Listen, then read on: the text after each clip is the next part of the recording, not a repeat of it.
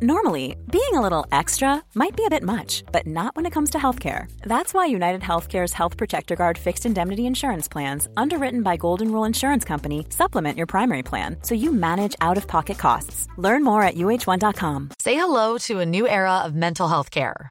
Cerebral is here to help you achieve your mental wellness goals with professional therapy and medication management support. 100% online. You'll experience the all new Cerebral Way, an innovative approach to mental wellness designed around you. You'll get a personalized treatment plan from a therapist, prescriber, or both in a safe and judgment free space. Your cerebral therapist or prescriber will outline a customized plan with clear milestones along the way so you can get to feeling your best. With Cerebral, you're not alone in your mental health journey. We're here to empower you to live a fulfilling life. So take that first step towards a brighter future and sign up today at cerebral.com slash podcast and use code ACasts to get 15% off your first month. Offer only valid on monthly plans. Other exclusions may apply. Offer ends July 31st, 2024. See site for details.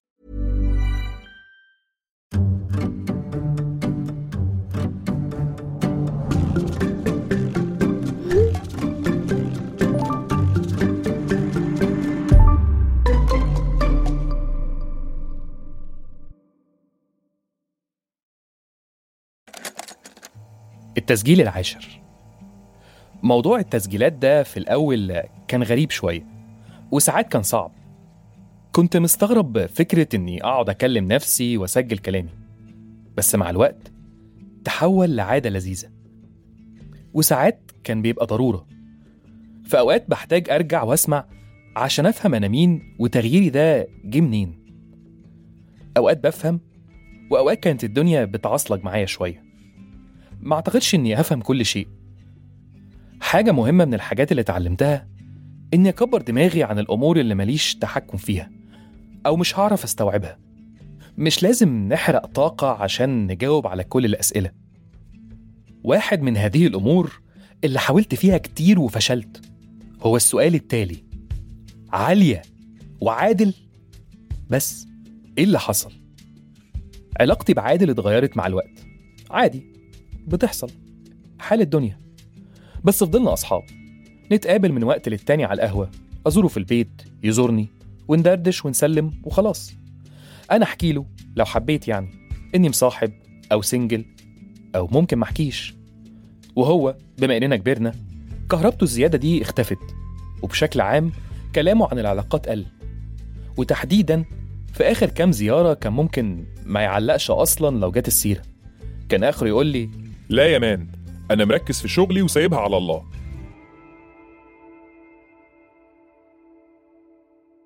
عمري ما حسيت أو شكيت إن ممكن يكون في أي احتكاك بينه وبين عالية بعيدا عن زياراته القليلة ليا. أما عن نص الحدوتة التاني عالية. فما كنتش أعرف حاجة عن الجزء ده من حياتها لحد ما قعدنا مع ماما. ماما وقعت بلسانها في وسط القعدة. عادل اتصل ما ردتش. واستنيت أي شرح من عالية اتصل تاني. ما ردتش. عالية وماما لاحظوا إني متوتر ومش قادر أستوعب الموضوع. وباين على وشي رفض من غير ما استنى أي شرح. ده خلى عالية دفاعية وهي بتحاول تحكي لي. إلى أن قررت ما تتكلمش خالص. تعبيراتي خلقت توتر خلى القعدة دمها تقيل. رجعنا البيت من غير ما ماما تفهم فيه إيه. وإحنا في الطريق جات لي رسالة من عادل. كان بيسألني لو أنا فاضي بالليل أقابله؟ في البيت حاولت أقعد مع عالية لوحدنا. سألتها عن كل التفاصيل إزاي؟ وإمتى؟ وليه أنا معرفش؟ عالية ما حبتش طريقتي وعدتني إنها تجاوب بس طلبت مني إن أوعدها إني أحترم مشاعرها وإن لو عندي رأي أقوله بصراحة. قالت لي إن حكايتها مع عادل ما بقالهاش كتير. كل الموضوع إنهم نزلوا كام مرة بعد ما حسوا بنوع من الاستلطاف المشترك واتفقوا إني أعرف من عادل قبل ما أعرف من عليا كنوع يعني من الأصول واحترام صداقتنا القديمة ودخول البيت من باب وهكذا. ما اشتريتش. كنت غضبان. قلت لها إني رافض لأني عارف عادل وعارف طريقة تفكيره. طلبت مني توضيح. رفضت. فقالت لي إن المفروض لو رافض حاجة ما أعملهاش. ولو هعملها يبقى مش من حق أستخدمها كحجة لرفض غيري. سألتها عن قصدها ما جاوبتش. انتهى كلامنا هنا. فضلت أفكر في الجملة دي وأنا في طريق العادل. إيه الفرق اللي بيني وبينه؟ هل عادل إنسان مش كويس ولا يستحق إنه يخرج من إطار المراهق أبو عير فالت اللي في تخيلي؟ لو أنا شايف إنه مش كويس مش عادل نسخة تانية مني؟ هل ده معناه إن أنا كمان ما استحقش إني أخرج من الصورة النمطية بإني شاب بيصاحب كل كام شهر مرة؟ هل أصلا علاقاتي شيء المفروض أتكسف منه؟ فبعاير عادل بتجاربه وشايفه إنه ما يستحقش أختي؟ هل الأحسن إني أستنى إن عليا تعرفني على حد أنا ما أعرفش عنه حاجة فأبقى مرتاح لأنه مش مهم هو كان إيه قبل كده؟ إيه المشكلة في عادل؟ عادل زيي ممكن زي أي شاب عرف قد ما عرف وخلاص جزء من تجاربنا في الدنيا كان في مشكلة ما كنتش عارف أتخطاها أو أحلها هل المشكلة أصلا في عادل؟ طيب بغض النظر عن تاريخ العلاقات الطويل هل في أي حاجة تاني خلقت لي تحفظ ناحية عادل؟ لا السؤال الأهم هل أختي صغيرة؟ وهل أنا ضامن أي مسار لأي علاقة تانية أو خطوبة أو جوازة هي تدخلها مع عادل أو مع غيره؟ لا. كل الأسئلة دي كانت في دماغي بس للأسف إحساس الغضب كان أكبر من إني أعرف أفكها وأتعامل معاها.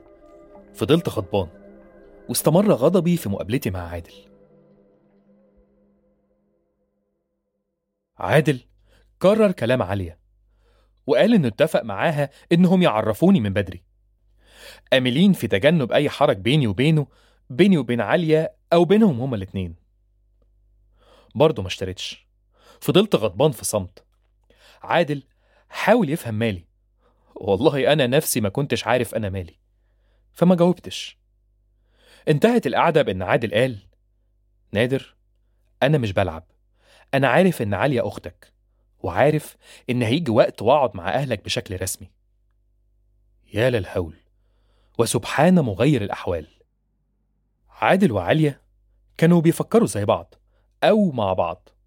عارفين إنهم حابين يخوضوا تجربة التقارب مع وضوح خط النهاية.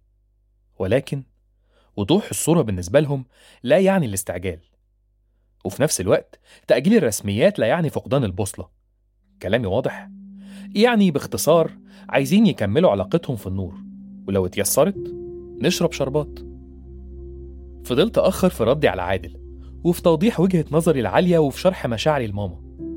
أنا ما كنتش مرتاح ومع الوقت فقدت الأسباب ولما فقدت الأسباب عدم اقتناعي ما بقاش ليه أي معنى. وفي الآخر وافقت لأن أصلا مش من حقي إن أرفض أوكي؟ أنا مش فاهم في إيه. بس خلاص ملناش دعوة يا مهي. هما كبار وفاهمين هما بيعملوا إيه. وتمام.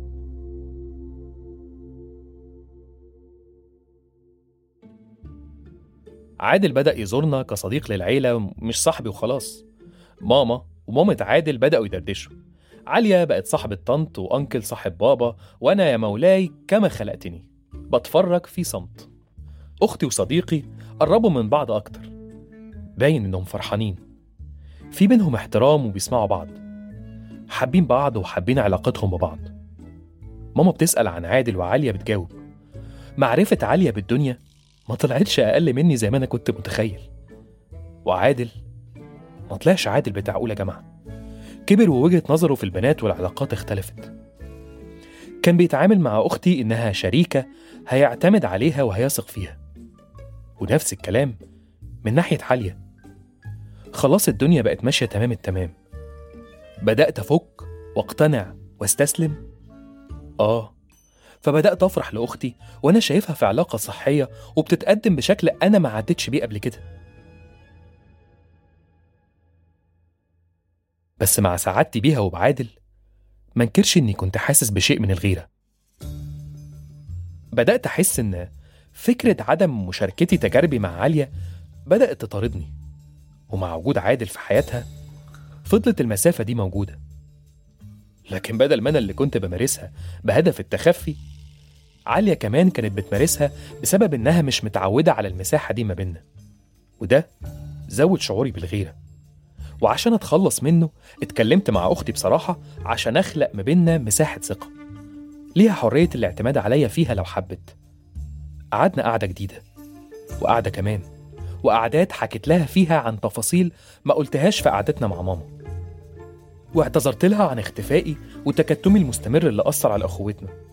واعتذرت لها كمان عن عدم احترامي لمشاعرها واختياراتها لما كنت بحاول أرفض عادل من غير إبداء أي أسباب منطقية.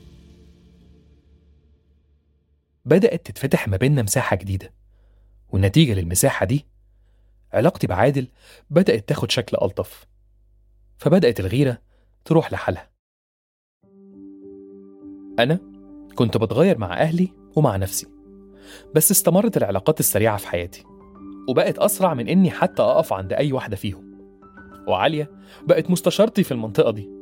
نضجها كان بيبهرني ورأيها من أول بلاش القميص ده لحد أتصرف إزاي لو حصل توتر ما بيني وما بين البنت اللي بحكي لها عنها أو عصبيتها عليا لما أفكس وأبوظ موضوع ممكن يبقى فيه potential شوف يا مؤمن من عادل لعالية. فضلت معتمد على عالية وعلى ال dating app بس بسرعة بدأت أزهق منه.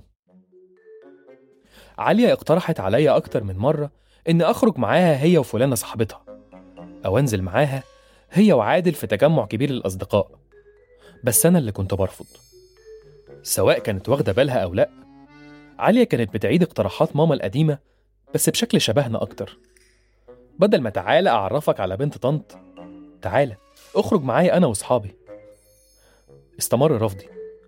واستمر غرقاني في استخدام ال dating app اللي اتخطى الهدف الأساسي من وجوده وتحول لإدمان.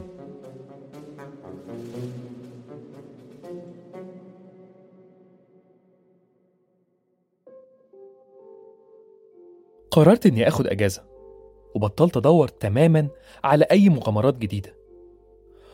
أعتقد إن تصليح علاقتي بماما وعالية شارك في القرار ده. شعوري بالوحدة قل شوية بعد ما بدأنا نتكلم. فقل الفجع في البحث عن الشريكة. أكيد المشاعر العاطفية مهمة حتى في وجود أهلنا حوالينا. بس مصالحتي معاهم قللت الفجوة. فمشاعري وأفكاري بدأت تفهم هي محتاجة إيه. أنا كنت محتاج أريح. أسترد طاقتي ثم أخرج للدنيا بره حدود شاشة التليفون. وعيت لأني محتاج ده. بس ده مش معناه إني نجحت في تنفيذه.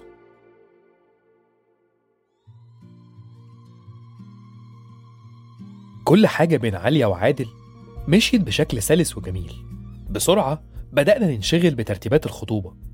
بدأت أركز مع أهلي وأجواء البهجة اللي بيتنا بدأ يتزحم بيها. ومعاها شوية التوتر اللي بيصاحب المناسبات دي ومشاورها الكتير. الخياطة والترزي والمكوجي وبتاع الورد والطباخ واللي هيعمل الكيك وال makeup artist وهات أختك من الكوافير واغسل العربية وعدي هات طنط وخد عمه في سكتك. دوشة لطيفة.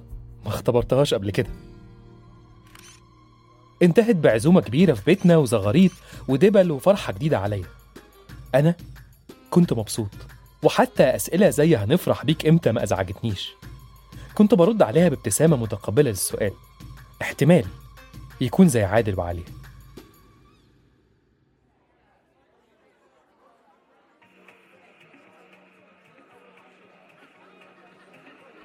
استمر الرقص والمزيكا. وأنا سحبت نفسي من الدوشة والزحمة ودخلت أوضتي أريح رجلي شوية. فتحت موبايلي أقلب فيه وأتسلى. ولا إراديا اتسحبت إيدي وراحت ناحية ال dating app بدأت أقلب من غير أي اهتمام. إلى أن توقفت عند profile جديد حسيت إنه لطيف. بس فجأة حسيت إني مش مرتاح وكأني مش متحكم في علاقتي بال app. ساعتها ما سمحتش لنفسي إن أفضل ماسك الموبايل أكتر من كده. خرجت من أوضتي ارتديت ابتسامتي ورحت على البلكونة. وهناك واجهت عدد لا بأس به من ال daddy وال mommy jokes. كنت فين يا نادر؟ أكيد كان بيكلم الجو. ثم ضحك هستيري من كل أبناء هذا الجيل. ما أنقذنيش غير إني لاحظت عالية وهي بتتكلم مع واحدة صاحبتها ما خدتش بالي منها في الزحمة. عالية قفشتني وأنا ببص عليهم. عملت عبيط. ندهت عليا فاضطريت إني أروح. نادر أعرفك على هدير. هدير نادر. دردشنا شوية. دردشة ناس بتتعرف على بعض في الزحمة.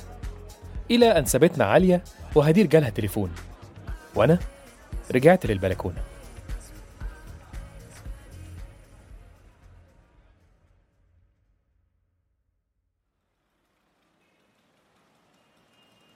بدأت السهرة تخف وما تبقاش غير الأصدقاء المقربين ومنهم هدير.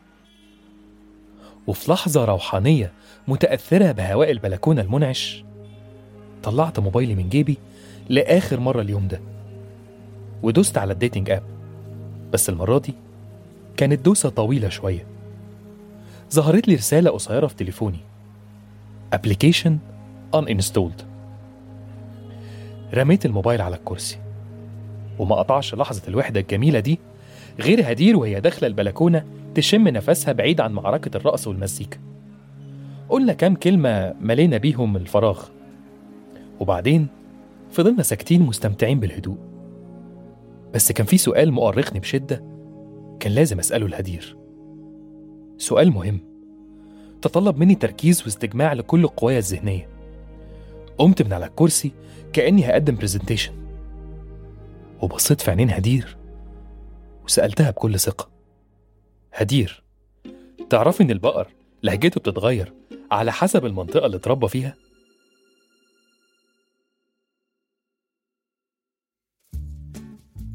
الحلقة دي من كتابة ووحي خيال أحمد فرغلي إشراف تحريري نادين شاكر دعم تحريري هبة عفيفي رند خضير وشهد بني عودة. التمثيل الصوتي مينا ناجي. إشراف صوتي محمد خريزات. تصميم صوتي أحمد متري. فريق التسويق بيلا إبراهيم وسمية أبو عبد الله. شكر خاص لاستوديو بلو مانجو.